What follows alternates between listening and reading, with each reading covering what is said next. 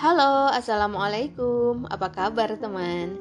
Hari ini Rabu 2 Maret 2022, Mama Jis hadir kembali untuk menyapa teman-teman yang sepertinya semakin ceria, merona, dan bahagia karena besok Kamis tanggal 3 Maret 2022 kembali libur setelah kemarin hari Senin libur, ya kan? Bahagia kan? Tapi agak aneh juga ya libur di tengah pekan.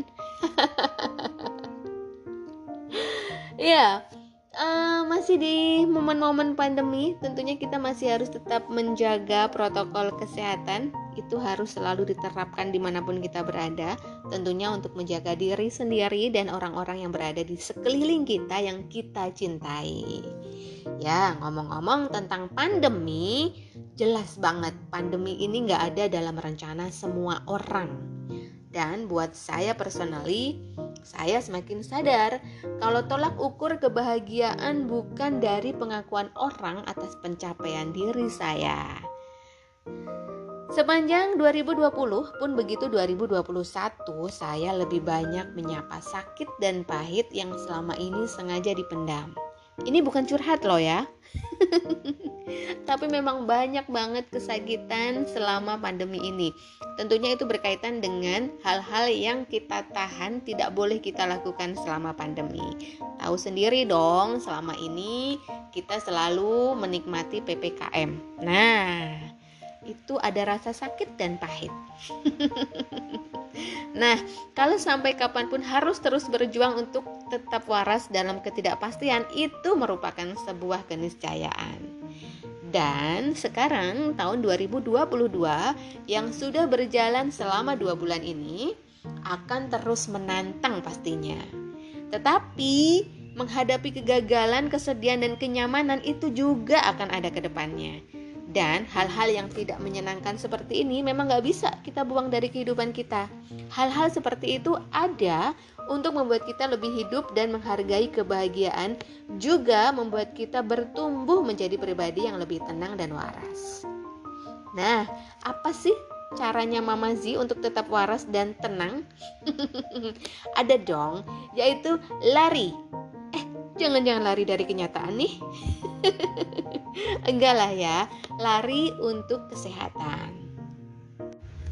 Ya, baru mulai lari bulan Agustus tahun 2021 dan itu juga merupakan semacam pelampiasan karena nggak bisa ke mana-mana dan itu jadi jalan pintas supaya tetap waras. Biasanya sih, biasanya ya itu workout atau exercise sendiri di rumah ditemani si kecil dari YouTube tapi pas pertama kali nyoba lari outdoor, rasanya tuh langsung wow, wow, ya, wow. Enak banget ternyata, seger.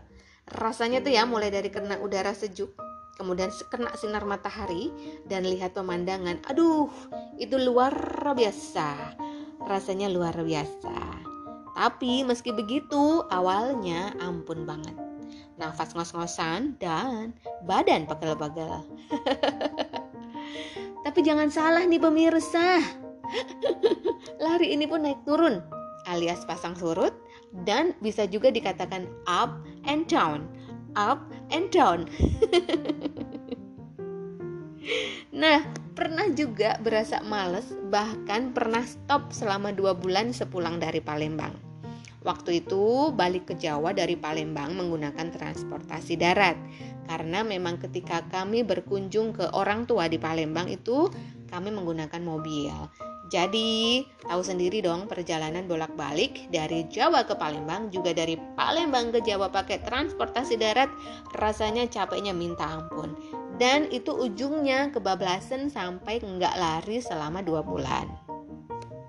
Pernah juga nih ngerasa kesel karena udah lari berbulan-bulan. Eh, berat badan kakak turun. Dan turunnya cuman 0,5 kg saja alias setengah kilo. Oh tidak. ya, tapi setelah itu sadar sadar banget dan mulai menata hati lagi kalau tujuan dari lari adalah untuk kesehatan dan goalsnya itu lebih dari sekedar jangka pendek. kalau sekarang gimana?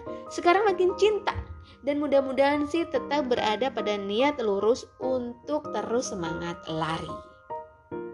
Yeah, I don't run to add dice to my life, but I run to add life to my dice. Saya Mama Ji, sampai ketemu lagi.